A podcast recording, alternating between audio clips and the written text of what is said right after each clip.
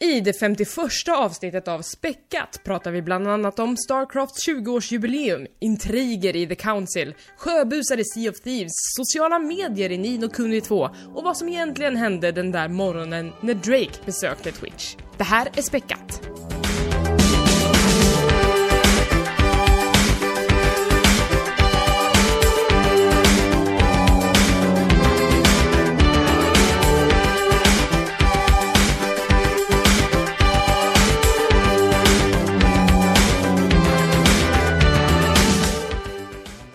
Och välkomna till Späckat, en podcast om spel och allt runt omkring. Vi har en himlans massa spel som kommer ut den här veckan. Vi ska prata om så många av dem som vi bara kan, så kavla upp byxbenen, sätt på träbenet, för det kommer bli liksom Sea of Thieves och en massa sådana där roliga grejer. Med mig idag så har jag Per Landin. Hej, hej, hej. Hej! Och sen har jag liksom en liten överraskning, för det var nämligen så att vi hade en gäst för två avsnitt sen, om jag inte minns helt fel.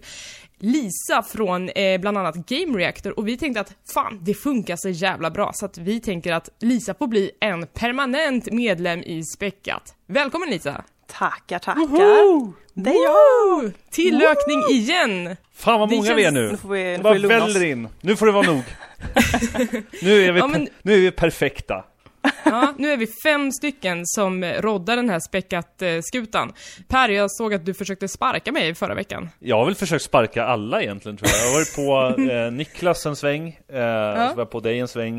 Och Ja. nu när Lisa är med så är det kanske Är hög jag också i tid. fara alltså? Nej, jag tänkte mest att Tommy och Niklas har liksom gjort sitt nu kanske. Ja, men absolut. De har spelat ut sin roll i den här podden, är det så? Ja, jag tror det faktiskt. Ja, nej men, men, men eh, skämt åsido så är ju liksom tanken med den här nya härliga line-upen som nu är fem istället för tre, att vi ska kunna rotera mellan avsnitten och liksom eh, spendera lite mer tid på att kanske spela spelen och sen komma tillbaka med nya fräscha intryck och liksom vad passar inte bättre nu än att ta ett helt avsnitt med de två allra grönaste medlemmarna i podden. Ehm, Grönaste det- av gröna. Ja, det är i och för sig, ni är ju kanske veteraner i gamet, men gröna för mig i alla fall. Hörni, vad har eh, hänt sen sist? Vi har ju träffats och druckit öl bland annat. Det var ju Visst vi? supermysigt. Mycket trevligt. Lite som en kick-off, kan man säga. Ja, Ja, precis. precis. Konferens. Jag kom hela vägen till Stockholm. Ja, mycket roligt. Eh, per, vad har hänt i ditt liv sen? Du var ju med förra avsnittet, så det har inte gått jättelång tid. Ja, vad har hänt i mitt eh, liv? Jag har sp- spel, den här spelmålen är, har ju inletts på ett helt sjukt sätt. Jag var med i förra podden, pratade lite om eh, Vermintide. Jag tror att det var väl precis så att det hade kommit ut då. Att vi hade hunnit känna lite på det. Eller så hade vi spelat betan, jag vet inte. Jag Och tror nu- det var betan, för vi spelade ju sen tillsammans på Mm. helgen. Just det. Då, hade- då var det live, om jag inte har helt fel. Ja, och nu när vi sitter här och pratar så är det precis eh, eh, release-dagen för Sea of Thieves också så att jag vet inte hur mycket speltimmar jag... Jag tror att jag har plöjt redan en så här 50 timmar Vermintide. Och mer... Ja, ja, ja, någonstans där. 45 då kanske, men någonstans däremellan. Så jag skulle säga väldigt mycket spel just nu. Då är du ju Ja. proffs på Vermintide. Det kändes som att du var ganska proffsig när vi spelade ihop, men vi, vi återvänder till Vermintide lite senare i avsnittet. Lisa, vad har du gjort sen sist? Oh, sen sist. Det var ett tag sedan nu va? Mm. Ja, det var en månad nästan då. Typiskt mig att spela om spel jag redan har spelat. Spelat mycket Wasteland 2. Nu har ju Sea of Thieves släpps. Testade det igår. Vermintide med er. Varit i Stockholm, Mm. druckit en öl. Eller två. Det är väl inte Du helt då? fy skam på de grejerna.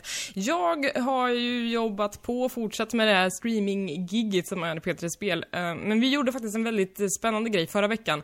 Eh, Det har ju nämligen varit så att Overwatch har ju dels utlyst och sen idag lanserat en ny hjälte. Det är nämligen den svenska Brigitte som är dotter till Torbjörn, den byggande dvärgen. Helt Och- fantastiskt. Ja, och hon skådespelas ju faktiskt av en svensk röstskådespelare till skillnad från sin pappa i spelet. Eh, Så att vi bjöd in skådespelerskan eh, Matilda Smedius till studion och eh, spelade Overwatch tillsammans med henne och det var ju svinkul. Hon eh, var en väldigt eh, gullig och härlig tjej eh, som var supertaggad och lite nervös. Var hon bra på Brigitte? Undrar ju Jag tänkte fråga exakt samma fråga. Är det så att Blizzard skickar de här på träningsläger inför liksom att gå in i sin roll? Eh, hon hade ju spelat lite Overwatch innan och när vi var live så kunde hon inte köa in på Brigitte för att det var någon annan som instalockade henne hela Oh. tiden. Eh, Nej, vad dåligt. Gud vad typiskt. Ja, men det hade, hon är ju en av de få röstskådespelarna som har spelat Overwatch innan hon fick jobbet. Eh, Så att eh, Blizzard hade ju typ marknadsfört henne som, ja, ah, hon är grym på Overwatch och hon bara, nej, alltså inte så bra. så det fanns, det fanns lite förväntningar att införliva där som kanske blev lite överväldigande. Eh, Men vi, det var lite, ganska odramatiskt för att hon blev intervjuad samtidigt som hon spelade och det var svårt att göra två saker samtidigt märkte man. Men det var kul, för jag såg den här intervjun som ni promotade på eh, Facebook och Instagram tror jag.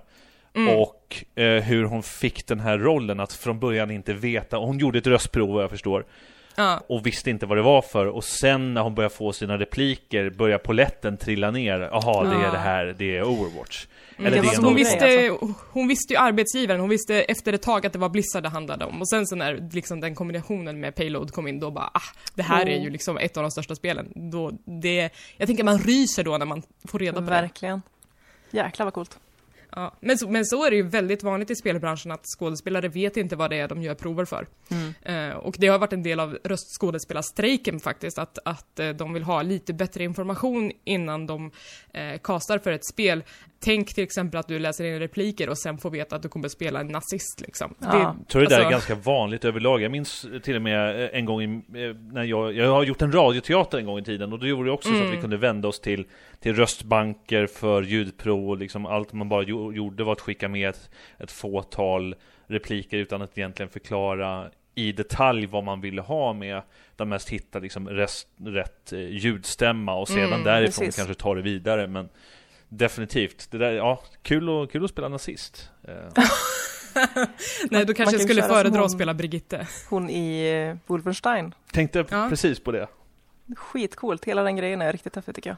Tänker och bara hennes föräldrar hon- var ju överlevare. Var det inte så? Är det sant? Det hade jag ingen koll på. Spännande. Hon som är skurken alltså, eller vem? Ja, precis. Hon som är skurken. Jaha, Vad heter hon? Frau Engel? Ja, precis. Hennes, jag tror det var antingen föräldrar eller morföräldrar eller någonting, var överlevare från Auschwitz. Ja. Och så spelar hon en sån karaktär. Det måste ju vara skitcoolt. Ja, alltså man får ju liksom eh, göra, jag tänker göra revansch på något Ja, sätt. Att precis. göra den så jävla vidrig som det bara går. Då Exakt. har hon ju gjort ett bra jobb med då det. blir jag ju genast nyfiken hur själva castingen har gått till för också det här, jag tror att vi vid något tidigare tillfälle har pratat liksom promotionen för, eh, för Wolfenstein överlag, liksom hur de har Mm. marknadsfört det som ett spel verkligen, ja, puncha nazi, Mm, eh, precis. rida på hela den här eh, social media-vågen. Det som blev det här memet när de klippte till han, vad heter han, Richard, eh, här supernazisten.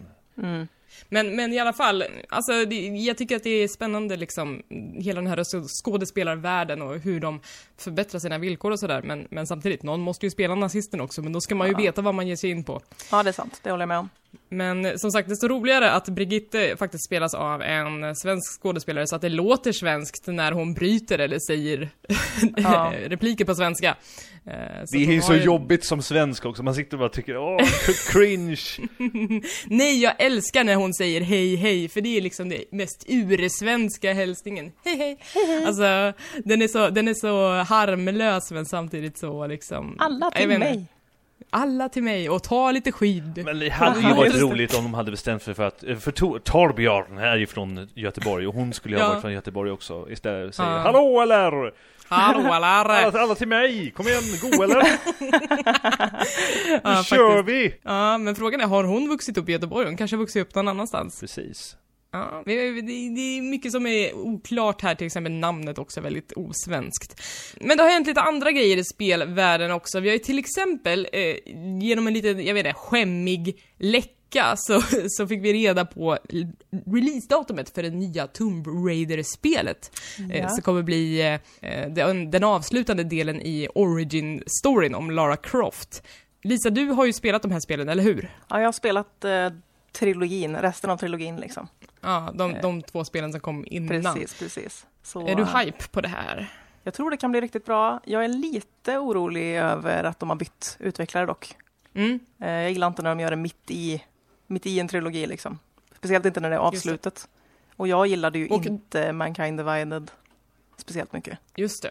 Det är alltså Det är D6. Eidos Montreal som kommer få eh, jobbet att göra den här sista delen om Exakt. eh, Lara Croft.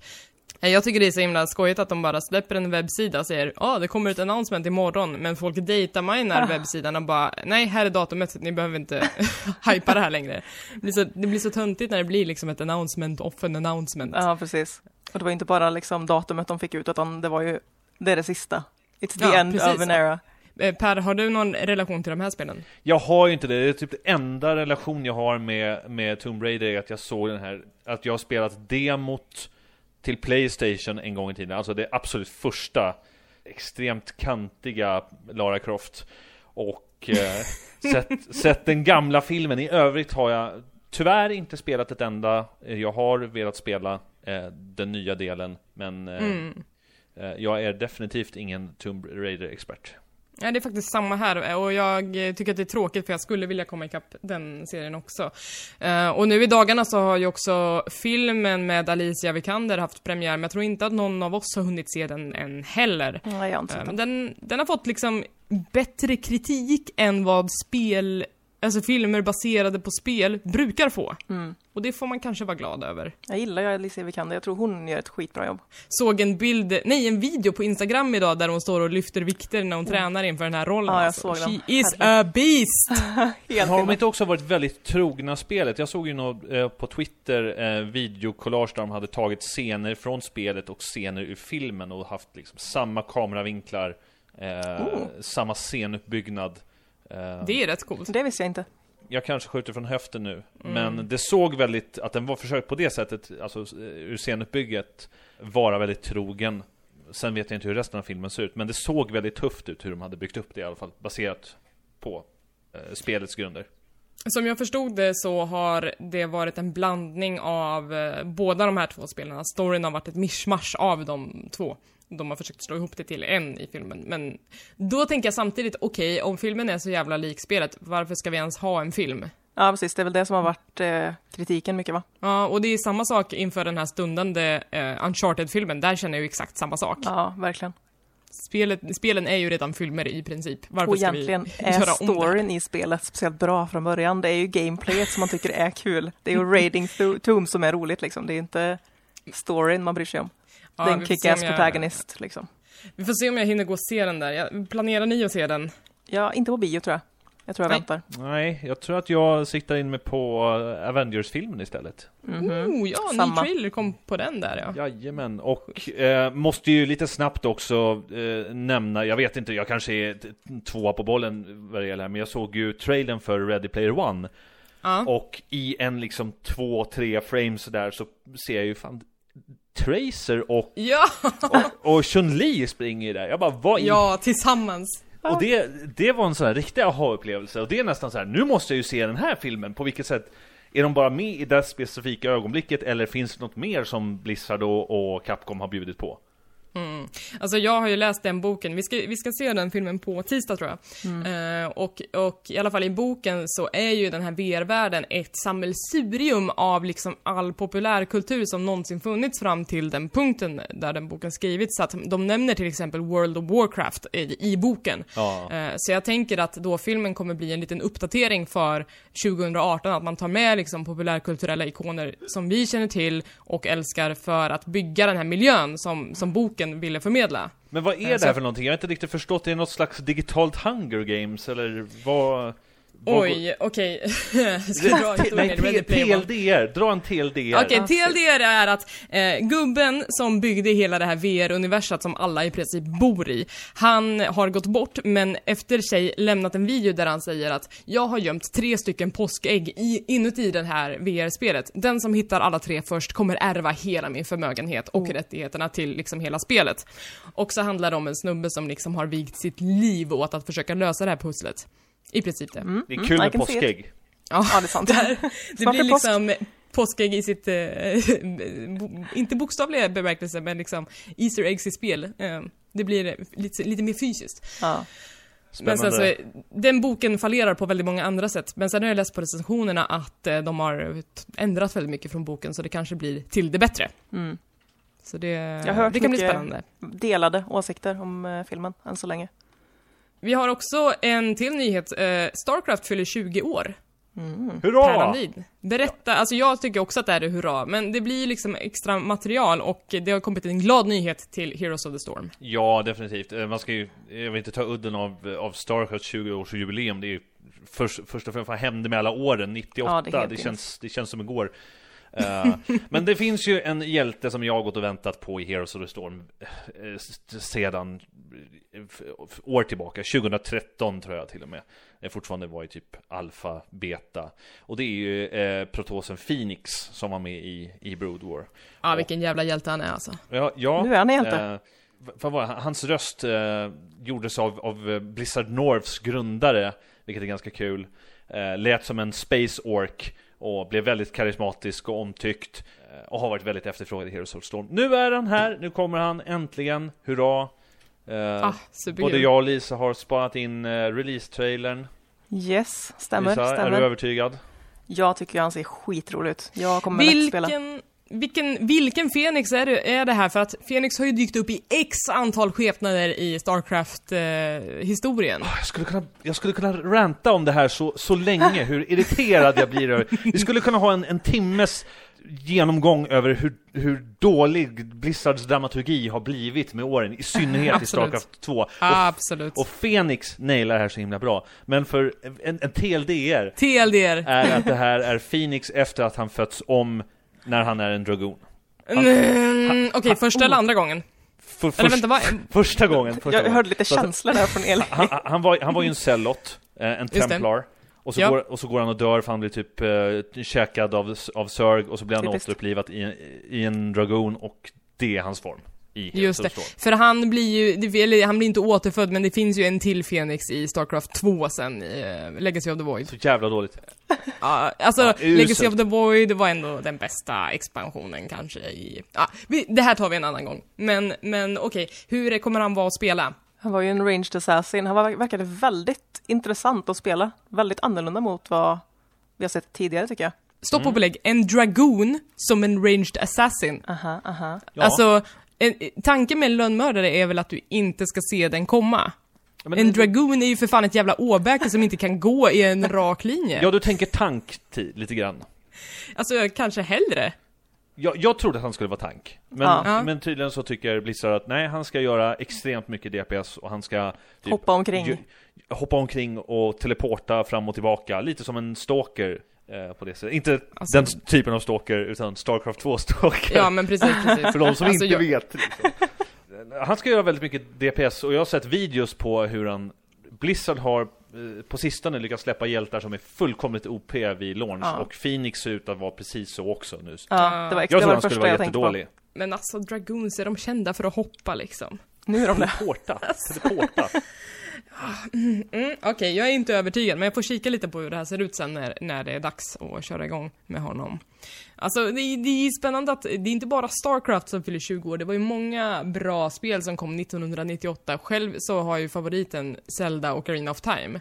Eh, det, det och Starcraft är ju mina mest ikoniska spel från, från det året, men det var ju också Half-Life och Baldur's Gate och sådana spel som kom Fallout 2. då. Banjo Fallout Kazooie. 2, eh, Pokémon Röd och Blå. Åh, Eh, Resident Evil 2. Eh, Det finns ju många jubileer vi kan fira här i år. 20-åringar som, de blir snart vuxna liksom. Ja, det är helt sjukt. Egentligen, eh, är inte en 20-åring i spelväg i princip en pensionär? Ja. Nej men jo, absolut. Det räknas ju fortfarande som retro liksom idag. Det är så. Ja, jag är skeptisk. Allting. Nej, jag vet inte. Vart går gränsen för retro? T- År, åren går så förbannat fort nu så att... Mm. Jag, Är- jag, jag, jag säger som förr, jag tycker det känns som igår. Ja, Ja, okej. Är GameCube en retrokonsol? Åh gud. Oh, det är... Ja. Bra fråga. Det ja. Fundera på den. Den är tuff, den är tuff.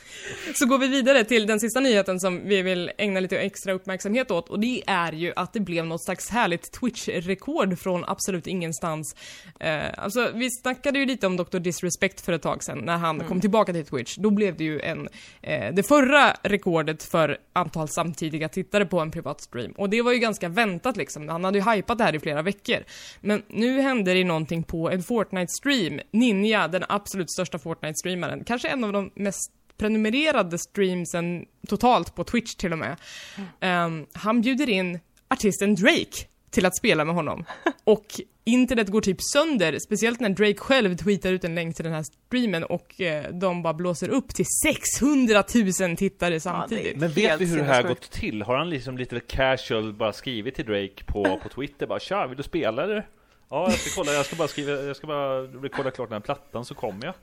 Alltså, vi, vi snackade lite om det. Det som jag har fått berättat för mig, jag citerar mig inte på den här, men det är att eh, Ninja upptäckte att Drake började följa honom på Instagram. Och, och Ninja postar typ såhär ah, schyssta Fortnite-klipp på sitt Instagram-konto. Eh, så att efter det så hade han något, eh, sträckt ut en hand till, till Drake och sagt ja men ska vi inte spela ihop? Eh, och Sen så var det tydligen lite strul med att Drake skulle få igång spelet och sådär, så det var inte helt säkert att han hade det installerat sen innan eller så. Men eh, ja, sen blev det stream. Och eh, de bjöd då också in en massa andra kändisar som typ en eh, amerikansk fotbollsspelare och eh, rapparen Travis Scott. Så att det blev liksom en squad av superkändisar. Helt bisarrt faktiskt. Vad sjukt ändå. Eh, jag såg lite grann på morgonen när de spelade. Det var ju väldigt så här laid back stämning. Det är inte så att de här eh, artisterna är vana streamers och är vana vid att hålla låda på det sättet som en, som en streamer gör. Men de verkade ha det mysigt, kul. Fick en Victory Royale som jag förstod det. Oh, Men det är det. kul nu hur mycket som händer ändå med Twitch. Jag tycker det går fort. Du nämnde som sagt Dr. Disrespect komma tillbaka och då slog ju han Twitch-rekord vi pratade om. Eh, Tyler, den här eh, League of Legends-streamern som också kom tillbaka efter en lång tids uppehåll. Slog Mm. också då rekord så att bara i år så har det slagits eh, vad är det, tre stycken rekord i Twitch-tittande. ja. Vi, ser, vi ser en massa, det här att Drake och eh, eh, Ninja gör en collab tycker inte jag är så himla märkvärdigt i sig för att tittar vi på, det finns ju andra som har börjat göra collabs bland eh, Twitch st- st- större streamers. Jag bara häromdagen till exempel ser gamle Cloud9-spelaren i CSGO Shrouds streama med Dr. Disrespect eh, Mm. för att få ihop någonting. Snoop Dogg sitter Ja, regelbundet och streamar, gör till och med liksom Ja. promotion för olika spel. Han är med Just det. Xbox ofta på E3 vet jag. Just det, just det. Han var väl också med och typ rökte gräs och spelade Battlefield på något E3 har jag för mig. Ja, det skulle inte förvåna mig. Nej men det verkar som Men- det är mycket som sker just nu med Twitch, att, det, att Ja, det, exponeringen har ökat på något sätt och framförallt att liksom eh, normala dödliga har börjat få upp ögonen som kanske en liksom bra plattform för sig själva att promota och Mm. liksom, sitta och vara lite casual utan att lägga för mycket möda på det. If Alltså det är ju erkänt sense. som en stor och mäktig medieplattform nu, absolut. Och från ingenstans egentligen. Ja, alltså det, det är inte en gammal plattform, den är ganska ung liksom, jämfört med många av de andra.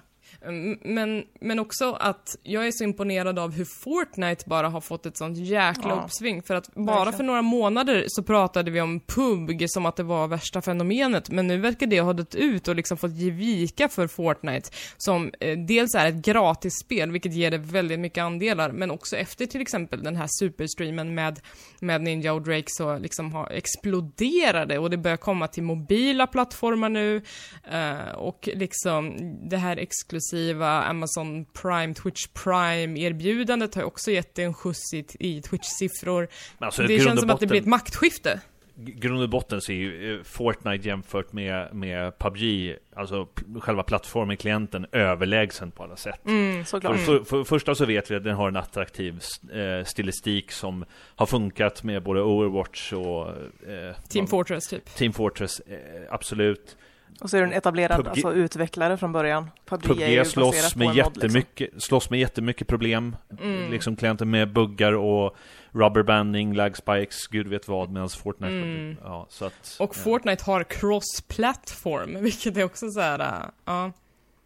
Det hjälper väldigt mycket och det hjälper ju liksom, ju mer tillgängligt det blir desto fler kan ju spela det. Alltså att det inte finns den här betaltröskeln för att spela just Mm. Battle Royale-läget blir ju superviktigt, speciellt för unga liksom som inte Mm, har verkligen. råd att lägga pengar på spel varje vecka. Absolut. Som en, som en vuxen kanske har, om man har det intresset. Nej, men jag blir så glad så här, när det handlar om, nu spelar ju inte jag Fortnite, men eh, när det handlar om enbart kosmetika, eh, mer om det senare i programmet, eh, så, så är det ju, det, det gillar jag, är din betalningsmodell eller sättet att vara enbart fokuserat på kosmetika, vilket jag tror Fortnite bara gör, eh, så känns det okej. Mm. Mm. Nej men där är det Ja, ju men- bara cosmetics. Absolut. Såg ni att eh, EA har backat på lootboxes i Battlefront? Nej. Gud vad Det blir, jag tror att de sant? kommer att säga att det bara blir kosmetika från och med nu. Oh, jäklar vilken grej. Stort. Så att eh, de har nog fått eh, böja sig för eh, allmänheten där. Det är stort vi får, ändå. se, vi, vi får se också, det, har ju, det ryktas ju vitt och brett om ett nytt Battlefield. Vi får se om liksom, det blir någon slags lootbox mayhem där med, eller om de har tänkt efter lite före nu.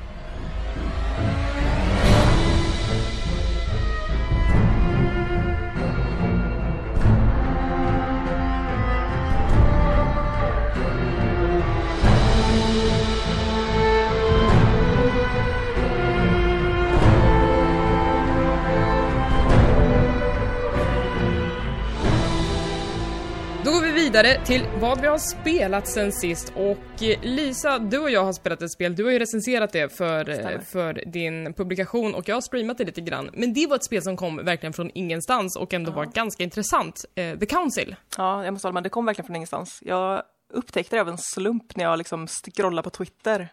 Och så bara fick jag upp det här spelet som en ad liksom. Aldrig sett det förut, aldrig hört talas om det. Så Så spontant köp släpptes alltså? det liksom. Det släpps nästa månad och jag bara wow. Det ser ut som ett spel för mig liksom. Och det var det, verkligen. Mm. Ett, eh, Eh, alltså, mm, spännande att så här, direktmarknadsföring på Twitter helt plötsligt fungerar. precis. Inte ofta man klickar på de annonserna. Nej, eller hur? Eh, vad är det här för spel? Det är, ja, hur ska man förklara det? Episodbaserat rollspel är det ju nog.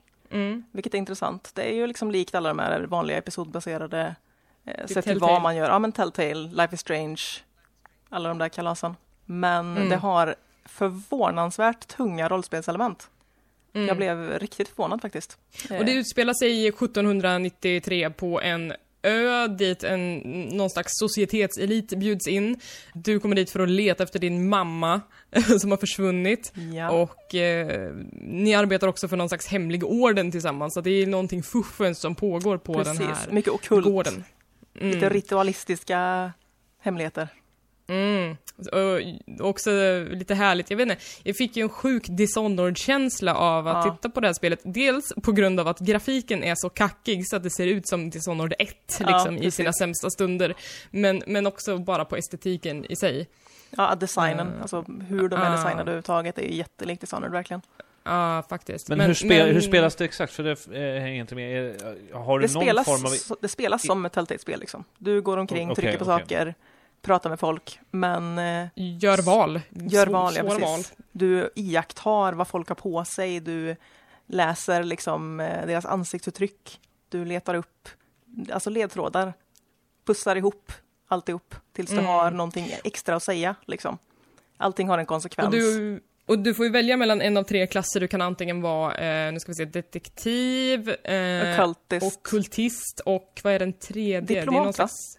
Diplomat, precis. Och då kan du liksom späcka din, dina talanger i olika talangträd. Liksom. Är du duktig på att manipulera folk via social interaktion? Är du duktig på att liksom undersöka grejer? Eller är du duktig på, liksom, är du kunnig inom det ockulta? Kan du dra slutsatser utifrån vetenskap och sådana grejer? Mm. Eh, Så då får du liksom olika vägar fram till svaret. Men sen så handlar det också om att göra så här supersvåra val. Du, du måste liksom ta ställning till en eller en annan karaktär. Ska du gripa in eller ska du inte göra det? Det kommer att ha konsekvenser för ja, framtiden etc. Liksom. Och Känner vissa av dem har ju konsekvenser alltså snabbt inpå, Mm. märkbara liksom. Mm. Så man blir ganska sugen på, så fort man gjorde fel så kände jag liksom ett sug att fan det här måste jag spela Ja. igen liksom för att se vad som händer annars. Ja, jag spelade ju Eh, om det tre gånger för att få Ja, alla, alla svaren på allt. Alla utfall. För att se om, om det faktiskt litade på rätt person liksom. Ja, ja. Men det har ju bara kommit en episod av det här spelet. Jag vet inte hur många det ska vara i Fem. slutändan. Fem Fem? stycken och inget releaseschema än. Nej, så vi vet inte när episod två kommer. Men känner du liksom inte att du har spoilat det lite för dig själv när du har tagit reda på så många svar i bara episod ett Jo, redan? absolut. liksom? absolut. Jag fick Mm, ju reda på grejer jag aldrig hade fått reda på annars. Genom Ja. att, ja, men sista valet, det är ju vissa sådana här tvåvägskorsningar. Så du får välja att gå med en person eller med Vänta. en annan person. Ja, men just det. Just det. Eh, och då får, du kommer ju till helt olika platser, bara det är ju häftigt liksom. Det blir ju ett helt annat Mm. spel, det är som en helt annan episod. Beroende på vad du väljer. Mm. Riktigt häftigt faktiskt. Ja, jag ser eh, jättemycket fram emot episod två faktiskt. Eh, Det ska bli spännande. Jag tror inte att jag kommer att spoila mig själv liksom innan, jag Nej, har fått det. eh, se resten av storyn. Eh, men eh, liksom, gillar man den här liksom, eh, 1700-1800-talsestetiken, gillar man så här intriger mellan människor i societeten som sitter och skrattar oh, oh, oh, till varandra, då, då så inte se förbi. Se förbi den dåliga grafiken, tänk inte på den utan tänk mer vad som, vad som händer i his- historien. Då kommer man nog få en ganska trevlig upplevelse. Låtsas att det är ett designval liksom. Ja, precis. Um, utöver det då, eh, Vermintide 2 har vi ju spelat lite mer sen eh, du, Per och Niklas och Tommy pratade om det förra veckan, för nu har det faktiskt kommit ut på riktigt. Vi har ju spelat tillsammans till, till och med. Mm. Det har vi gjort. Ja, det var ju jättemysigt. Inte fullt så mycket som jag hade velat. Nej, jag hade också velat spela mer, men jag har ju liksom spelat ett annat spel. Åtaganden. Ja, det är så, vet du, det är så mycket att göra. Men jag hade i alla fall superkul den kvällen som vi spelade tillsammans. Ja, det var riktigt roligt. Vi måste göra om det. Kul att få ihop liksom fyra pers som eh, rör sig i perfekt unison fram till ett gemensamt mål. Vi, vi hade ju spelat det eh, tre tillsammans, eh, Per, du och jag och eh, Mikael. Eh, men när man har liksom hela skådet med sig, det, då blir det ju ganska mäktigt, det lyfter ju liksom.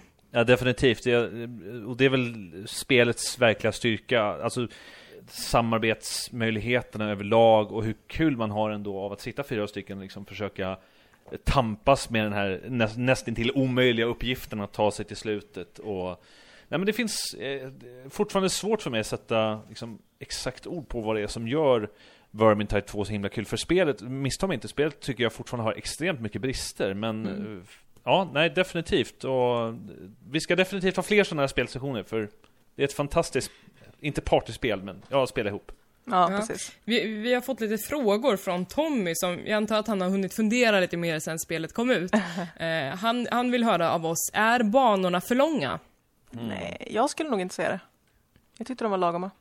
Det enda jag kan tänka är att att säga. vi spelade samma bana flera gånger. Då kan det ju vara lite Just surt vi- att vi spela samma körde- bana om den är lång.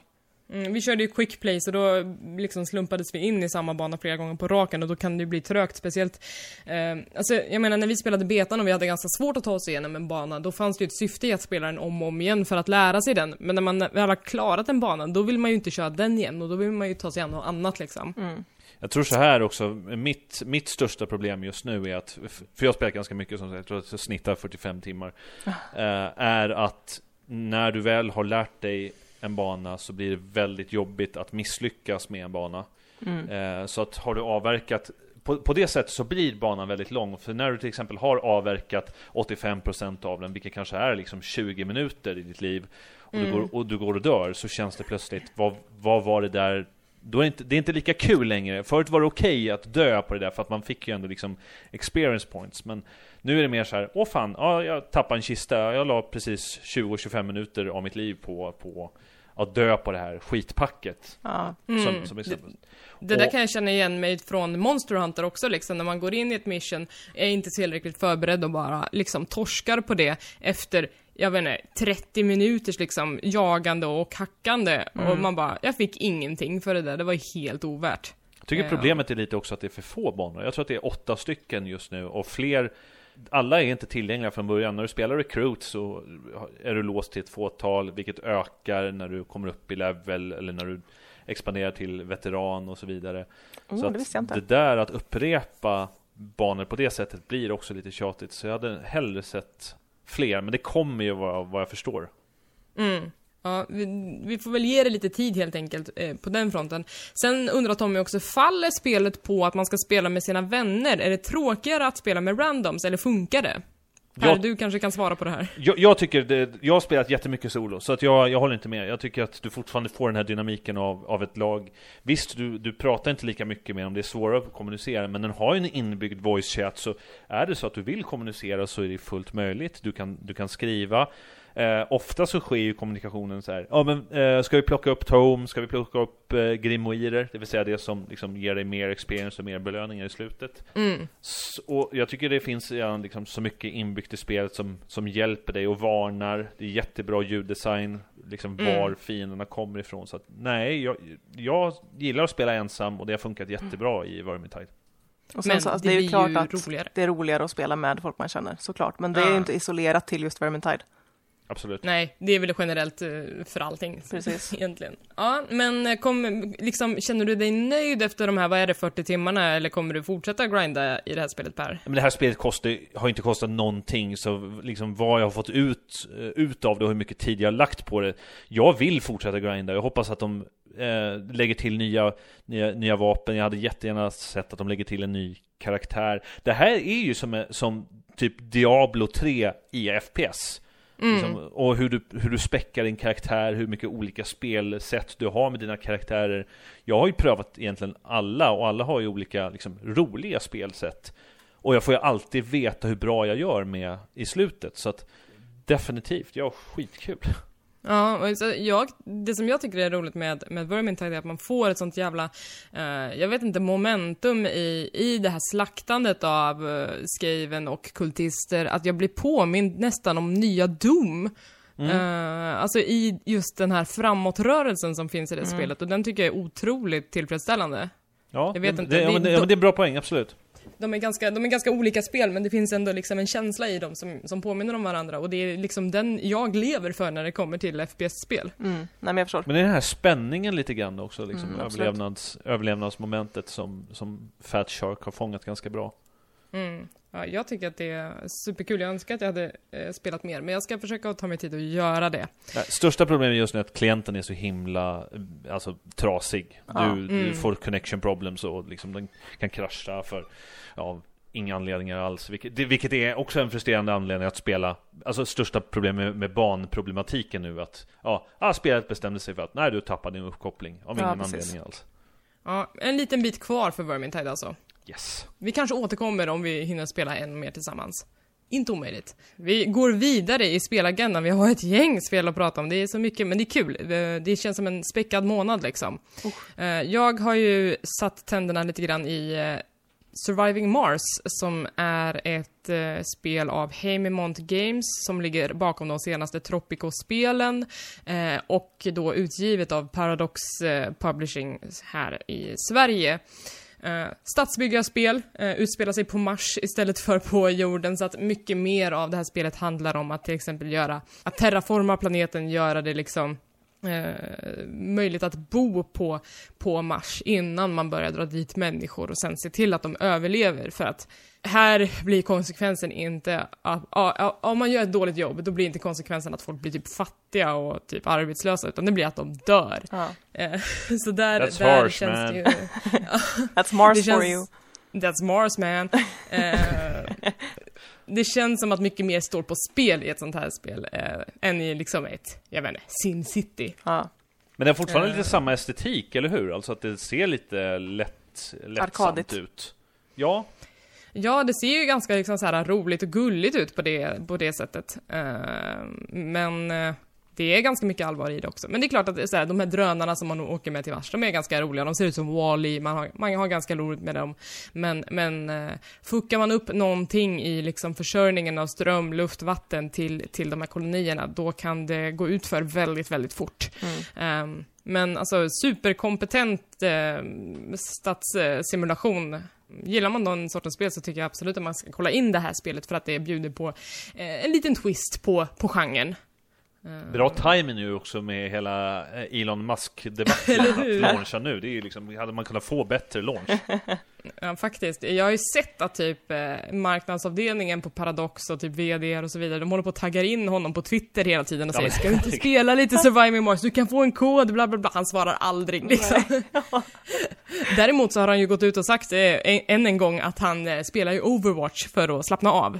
Eh, så han är väl precis som vi andra dödliga. Han är ju sättet. gammal speldesigner också ska jag sägas. Han Är det så? började sina dagar, ja, han började sina dagar i, i vad blir det, eh, eh, Sydafrika som, som speldesigner, eller hade Oh. ambition på. Han programmerade ett eget spel. Ja. Visste jag inte. Mm. Full circle. Nu finns det ett spel om typ det han gör. Det finns ju, alltså när man, när man startar sitt spel i Surviving Mars, då får man välja mellan olika projekt då som, som skickar ut liksom den första raketen till Mars. Och då är en av dem, heter då Space Y istället för Space X, som då hans eh, företag heter. Så det finns ju en liten fin blinkning till honom där. Eh, om man vill lajva eh, Elon. Eh, sen finns det också typ en, jag vet inte, Church of the New Ark eller någonting, då får man ju skicka dit ett par religiösa fanatiker istället. Eh, eller så kan man representera en nation. Så att det, eh, det finns också mycket så här customizability eh, när man sätter igång spelet. Men det är som en engångsupplevelse det här spelet lite grann. Det är ingenting som man riktigt återvänder till eller? Eh, det som eh, de använder för, för liksom replayability är ju att i varje spel så kan du få ett eh, mysterium tilldelat din omgång. Ehm, så att ju längre du kommer i, i spelet, eller i omgången och ju mer du utforskar på, på din del av Mars, desto mer kommer att, att uppenbara sig om det här mysteriet. Alltså det kan, och det, det här för, eh, förmedlas via till exempel text. Att när jag eh, körde på, på mitt save så eh, började jag hallucinera och helt plötsligt så blev Mars liksom grön istället för röd. Alltså hela marken var helt grön. Jag bara, vad är det som händer? Eh, och sen så fick jag upp en sån här textruta där det visade sig att jag fick visioner ifrån en annan person som verkar verkade bo på en annan planet liksom. Jag bara, gud vad är det som händer? Så att eh, då blir det en sån grej som blir löpande, att man, man upptäcker mer och mer om den grejen och att fler, fler personer i min koloni börjar också få samma hallucinationer och ja. Det finns ett gäng olika sådana mysterier då som, som kan slumpas fram i när du sätter igång ett spel. Och de kan man ju spela igenom flera gånger. Eh, så det är ganska roligt liksom. Eh, tyvärr så har jag inte känt jättemycket sug att gå tillbaka till det efter att jag har spelat kanske, jag vet inte, 10-12 timmar. Men det är för att jag känner mig lite feg också inför att expandera kolonin. Jag tycker att det är, det är läskigt när det går ut för Jag vill att det ska vara lite lätt. Mm. Och det får man ju till exempel, jag vet inte, City Skylines som, som Paradox släppte tidigare med en spelutvecklare från Finland. Uh, det kände jag var mycket mer så här lätt, att det var inte så här, man fuckade inte upp lika fort. Så att, uh, jag, skulle, jag föredrar nog det.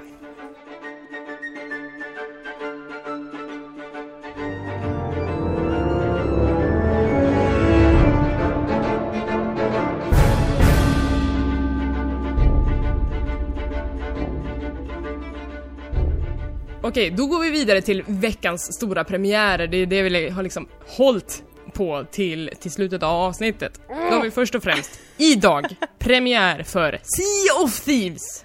Jar! Jar! Finally mateys! uh, nu kom min katt och bara mjau. Det var inte riktigt, det var inte riktigt Du menar jar? Rare är tillbaka, hur länge sedan var det de gjorde ett spel? Ja, oh, nej, vad var vi gjorde de sist? Gjorde ett spel? Oj. När jag börjar tänka så bara, hmm, Donkey Kong Country. Ja, men, precis. Nej, känns lite så. det blir ju dit man går. Jättelänge Conkers... sedan. Nej. Conquers Bad Fur Day, Banjo Kazooie. Nuts and Ja, bolts. eh, Bra spel. det, är i alla fall, det är i alla fall det som kommer top of mind och det kanske är lite oroande. Då har de inte gjort något anmärkningsvärt på många, många år. Nej. Men nu är de i alla fall tillbaka. Eh, sea of Thieves alltså. Berätta mer, ordet är fritt. Vill du börja Per? Jag, vet inte var jag ska börja. Ehm, Vad är det här? Eh, Vad är Sea of Thieves? sea of Thieves är ett piratspel. Ehm, open World. Nej, jag vet inte. ehm, Det är lite MMO Piratsimulator. Sea of Thieves är en piratsimulator där du som spelare anammar rollen som pirat, antingen på en en slop eller en galär. Vänta, vi har ju pratat om det här Det när har du vi gjort. var här en gång. Vi har gjort. Du, Det här du har ju fått Okej, Eh, så vi- lyssnarna vet vad det är. Om lyssnarna går tillbaka typ en tre avsnitt, då kommer det upp här och förklara exakt vad eh, Sea of Thieves är för någonting. Men, Mm. men piratsimulator, man eh, kan spela själv eller tillsammans, eh, man ska fånga in skatter och eh, lämna in dem. Är det typ det som det fortfarande går ut på? Ja. Det var ju det som vi gjorde i betan. typ det, ja. Ja, det är precis det det är. Det- Alltså jag skulle kunna säga att det är lite som ett, som ett MMO utan meningsfulla uppdrag. Uff, Det är liksom öppet. Du kan väl, det, det blir vad du gör det till. Det är väl liksom det lättaste. mm. Det finns inte Är det mycket att göra bra egentligen. eller dåligt? Jag är inte högt än, kan jag säga. Jag är himla, himla kluven kan jag säga. Jag har Mm. eh, spelat sen, jag skulle säga nu kanske jag har lagt tio timmar på det här. Spelat när det släpptes vid midnatt och sen fortsatt in idag på, på launchdag. Och spelet, jag säger den, ljuddesign och, och Mm. grafik, det är fantastiskt välproducerat. Mm, jag, den här, det, spelet är ju extremt mycket transportsträcka när du åker med eh, din båt och en stor del är ju att så att säga reglera båten, se till att eh, den åker efter vind, du navigerar den i en specifik riktning och den här transportsträckan är ju bland det vackraste jag sett i spelväg. Eh, vågorna, solljuset, reflektionen och, och Norrskenet. Eh, norrskenet. Allt, är, allt är skitsnyggt. Sen så har du det här fullkomligt vedervärdiga eh, spelsystemet som inte är ett dugg värt att satsa på för fem öre. Jag liksom, som vissa sa, det är typ, det blir vad du gör det till. Du åker runt och plockar upp en skattkista, skittråkigt. Åker in och lämnar in den igen, skittråkigt. Vad, vad, vad det verkligen skiner är ju när du får de här mötena, när du möter en annan pirat någonstans, ser när du står på din båt och du har en eller två skattkistor och upptäcker fan det är det är en annan båt som förföljer mig, det är en annan båt som ligger i den hamn som jag ska ankra i. Så, och vill mm. ha min skattkista som jag jobbade hårt för att få liksom. Ja, de här konfrontationerna är liksom är, är guld värda, men det är så mycket runt omkring som är bedrövligt. Jag är jätteförbannad på character creation, ja, eh, som är bland de absolut sämsta karaktärsskaparna som jag någonsin har upplevt. Ja, samma eh, Hur funkar den då? Varför är den så dålig? Det är slump, alltså slumpmässigt genererat först och främst. Du får fyra eller vad var det var? Fyra eller fem templets att välja mellan och så är det den du får. Okej, okay, så du kan inte rulla om dem? Jo, liksom. jo, jo, det kan du, men du kan ju aldrig liksom påverka dem att liksom, det, du rull, Jag satt i 20 minuter bara rulla, rulla, rulla tills jag hittade någonting som jag var okej okay med. För att jag, jag mm. sen tröttnade jag. Och det här är ju så konstigt för att ett spel som fokuserar enbart på belöningarna som är kosmetiska. Allting, all valuta som du ackumulerar kan du bara spendera på kosmetika. Mm. Vad är poängen att, att ha det när du inte ens får påverka din karaktär till maximalt sätt? Och liksom, jag är inte ens säker på att jag har rätt karaktär nu och varför skulle jag vilja spendera kosmetika på på en karaktär som jag inte är 100% nöjd med. Ja, precis. Jag känner exakt samma sak. Och det är extra roligt. Jag hörde att eh, Rare pratade om att de jobbar på att implementera möjligheten att byta hårfärg. Oj, okej, okay, och det var wow. det som de kände att... jobbar på. nice. Och man bara, okej, okay, är det det som är ert mest pressing issue? Ja, precis. Men jag har hunnit också prova på det här raiding också. Då och då så spånar typ så här ett event i horisonten som du kan åka och liksom spöa eh, skelett. Jag vet inte om du håller med? Oh, det är det där när det spanar en dödskallemoln över? Ja. Ah, okay, ja. Alltså striderna, själva, alltså momenten är ju eh, vedervärdiga. Alltså, ja. Det är typ delay i, i uh, hur ofta du får vifta med ditt svärd. Ja. Allting är liksom, känns jättestelt. Och du springer bara upp och ner för att hämta mer ammo liksom. Eh, ja, och jag tror i betan så kunde du i alla fall ha eh, ett, då kunde du köpa dina vapen och ha alla vapen tillgängliga samtidigt. Nu får du max ha två. Underligt. Vilket också känns, alltså, ja, det, det är inte konstigt. dynamiskt för fem öre. Så att det här, det här är ett spel som, som det är begränsat. Jag... Du känner dig begränsad hela tiden och det känns liksom inte som att du kommer någonstans, skulle jag säga. Hur mycket du än spelar så känns det fortfarande som att du är helt ny liksom. Ja, Vad tråkigt och... liksom. Men, men alltså, jag vill inte sänka det här spelet än. Spelet är kanon. Nej. wow. jag tycker det är fortfarande... Dubbla ordvitsar på Jag tror att de här fortfarande, alltså jag tror fortfarande spelet har jättemycket potential. Jag har mm. liksom kommit, de tre gånger som jag kanske har liksom hamnat i de här speciella situationerna, så är det verkligen guld. Och jag ja, liksom sitter och har hjärtklappning och tycker det är hur spännande som helst. Jag ska recensera det här i, i dagarna, jag kan säga att det är nog ett av de svåraste spel som jag har kommit mm. att recensera någonsin. För jag det är så det. mycket toppar och dalar. Men det känns också som en totalvändning efter att du hade spelat betan och du var här i späckat. Eh, för då var du ju liksom helt lyrisk. Du sa att det var spelet som du inte visste att du hade längtat efter liksom. Är den smekmånaden över? Ja, det är den lite. Och, och min, min upplevelse med betan var ju väldigt begränsad. Det var ju väldigt mycket fokus på, på, på båten, så att säga. Och mycket av upplevelsen var ju också baserat av att titta på hur andra, alltså streamers hade spelat Vilket hade varit liksom fantastiskt att titta på hur de liksom hade letat sig till de här ögonblicken. Ja, precis. Eh, Och det hade varit, man hade, jag har liksom aldrig suttit så klistrad framför en, en stream för att se vad händer nu. Mm. Jag kan också tänka att de som spelade betan är något, för jag spelade ju inte betan av den anledningen, men jag kan tänka att de som gjorde det är besvikna på att det var så lite man fick i den alltså, faktiska utgåvan som släpptes nu. Ja. Mm, att man tänkte att det var en begränsad version, eh, man fick spela då, sen så visade det sig att det inte var så jävla mycket mer. Ja, precis. Eh, Lisa, du som är späckats Xbox-orakel nu. Oh.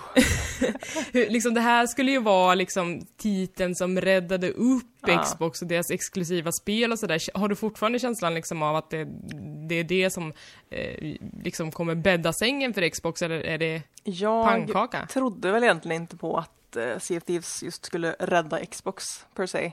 Jag trodde aldrig att det skulle bli liksom ett verkligt storspel som skulle ta alla med storm. Men jag tror att det kommer dela upp folk i två läger, återigen, som det alltid, ja, så är det alltid händer när det är liksom ett exklusivt spel. Det kommer vara de som skrattar åt de som tycker om det och det kommer vara de som älskar det liksom.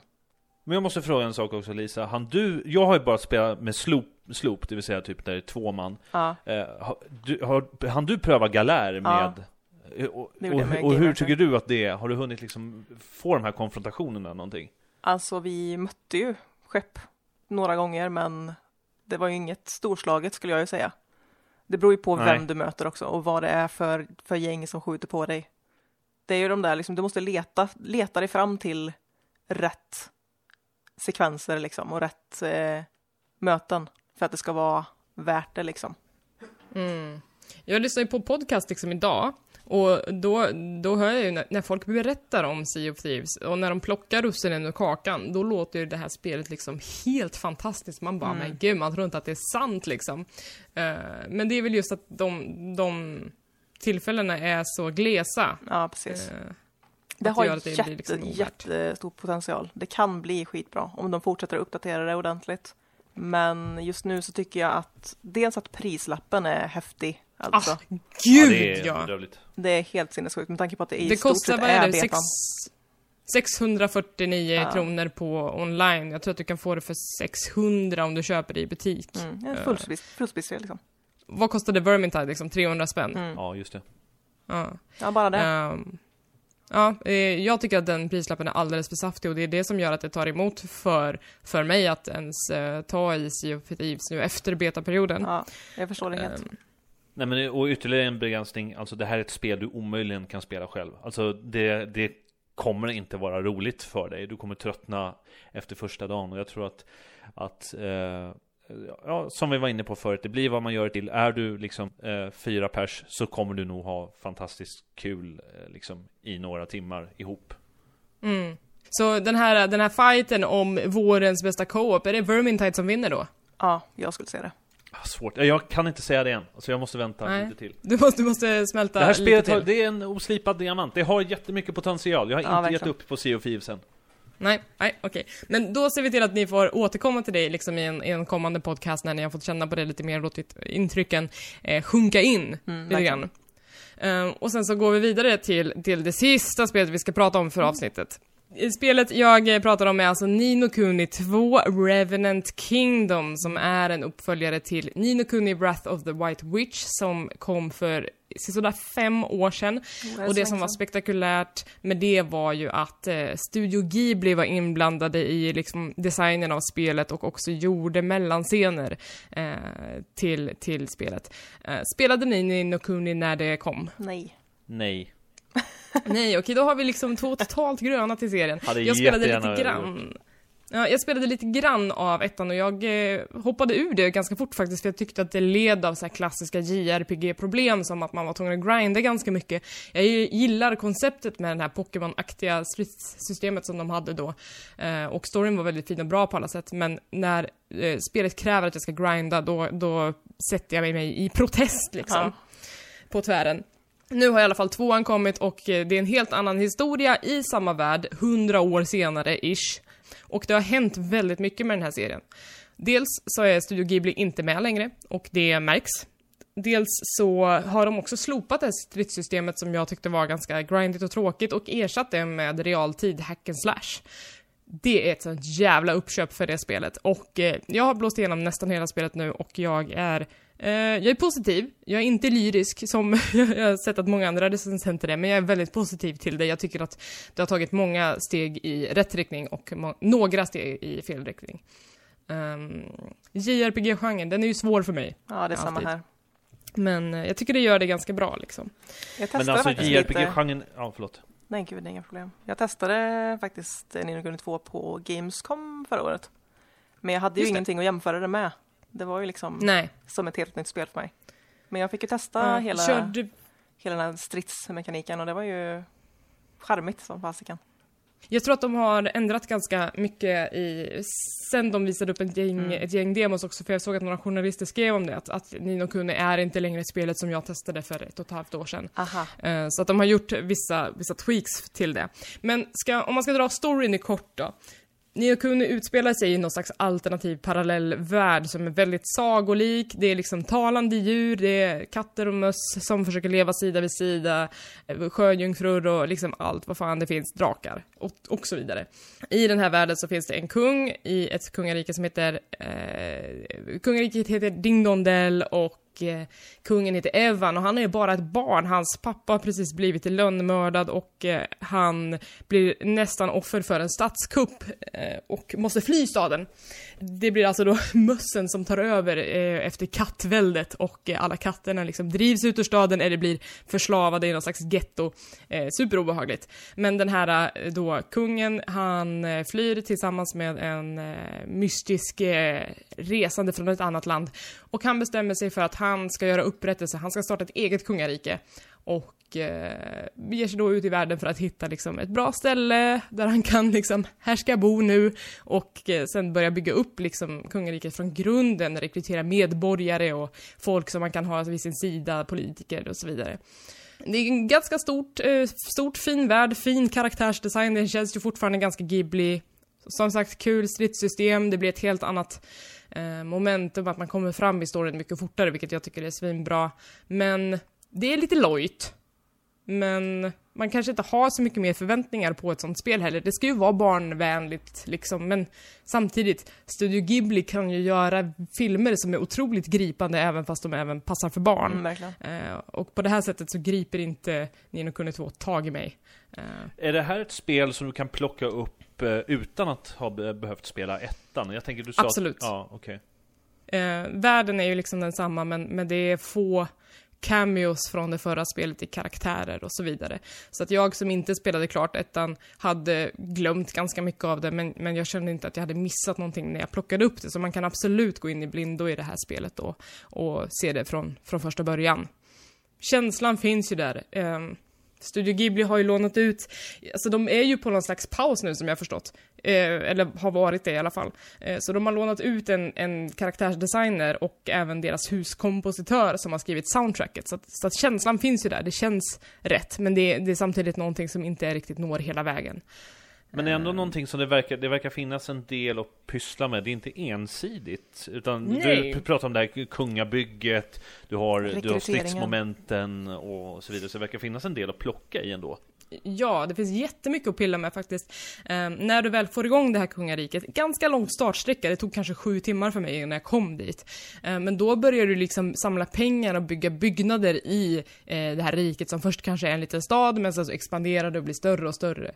Eh, du rekryterar medborgare från andra länder eh, som vill jobba för dig, åt dig, bo hos dig. Eh, så att du plockar liksom upp folk med vissa specialiteter och sen så kan du placera dem i vissa byggnader och börja forska fram saker som under underlättar både i byggandet men också kanske i strider eller i utforskande, sådana grejer. Um, sen finns det också ett skirmish-läge som eh, är mer såhär taktiska strider med små arméer som, som man då gör på overworld-kartan som för övrigt är såhär, det är såhär chibi-figurer med stora huvuden. Det, det kan man ju kräkas på. jag testade på GC. Ja, då måste du ha kört det där skirmish-läget Ja, då. precis. Ja, eh, så det, det är också en del av spelet som jag inte har lagt jättemycket tid på, men där finns det också ganska mycket att göra så att Tycker man att det är kul att gå runt och hack and slasha, då kan du göra det. Tycker du att det är kul att gå runt och bygga stad, du kan göra det. Vill du göra de här mer taktiska grejerna och leka sten, sax, påse med de olika arméerna, gör det liksom. Så att det är absolut mycket att pilla i.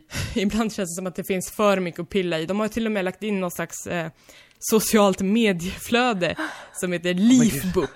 Det. Som du kan, som du kan eh, så här, gå in och scrolla i, så kommer det nya poster medan du avancerar i storyn. Så kan du gå in och likea poster och läsa kommentarer. Åh. Alltså, ja, vad, vad, vad skriver medborgarna i det här kungariket om den här händelsen? Men finns det några eh, konsekvenser eller efterspel? Vad händer om man likar? Kan man få någon annan irriterad? Eller vad liksom? Nej, och det här är så sjukt för att i början när du får den här leafbooken då, då är ju liksom de första posterna posterna i, i, i den eh, handlar ju om statskuppen som, som drev ut dig ur stan, att det har liksom exploderat i slottet. Vad kan du göra? Jo, du kan fan lajka den posten!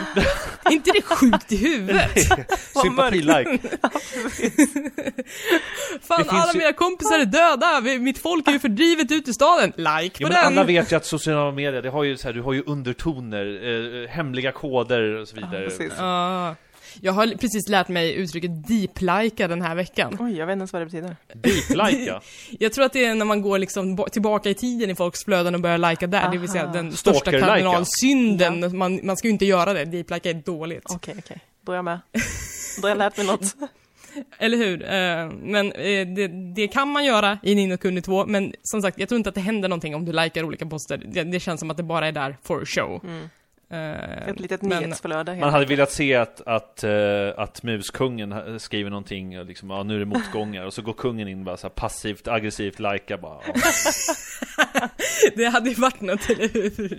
Eh, men det, men det, är, det är roligt för det finns lite olika karaktärer. Det finns ju typ någon som, han, eh, han är någon slags eh, Tinder-kung i den här världen, så han går ut och dejtar olika tjejer och postar om dem. Sen finns det någon som typ är, är någon slags illustratör och tecknar olika landskap ifrån världen och så postar den sina bilder och så kan man gå in och likea det. Så det är ganska gulligt på det sättet, men det tillför ju inte jättemycket till storyn. Så. det låter ju skitkul. Men, eh, Ja, men det, det är ett mångsidigt spel liksom. Vissa, vissa grejer kanske de hade mått bra av att kapa helt och hållet. Men, men det finns mycket att göra, det finns många timmar att sänka in här. Jag tror man är klar, jag är nästan i mål och jag är kanske på 35 timmar. Men du kan säkert utöka det till, jag vet inte, 60-70 om du, om du verkligen vill 100% det. Bra RPG-standard. Ja, Ja, men, eh, men ändå skönt liksom att man kan sätta P när man själv känner att det är okej ja liksom. absolut. Eh, ja, jag har haft det mysigt med det här spelet, men inte mycket mer än så. Ja, typ. Rekommenderar. Typ det. En, en eh, sval rekommendation skulle jag väl säga. En liksom, tumme vill du ha ett, ett mysigt JRPG så är det liksom helt okej. Men vill du bli blown away, du vill bli gripen, du vill skratta, du vill gråta liksom.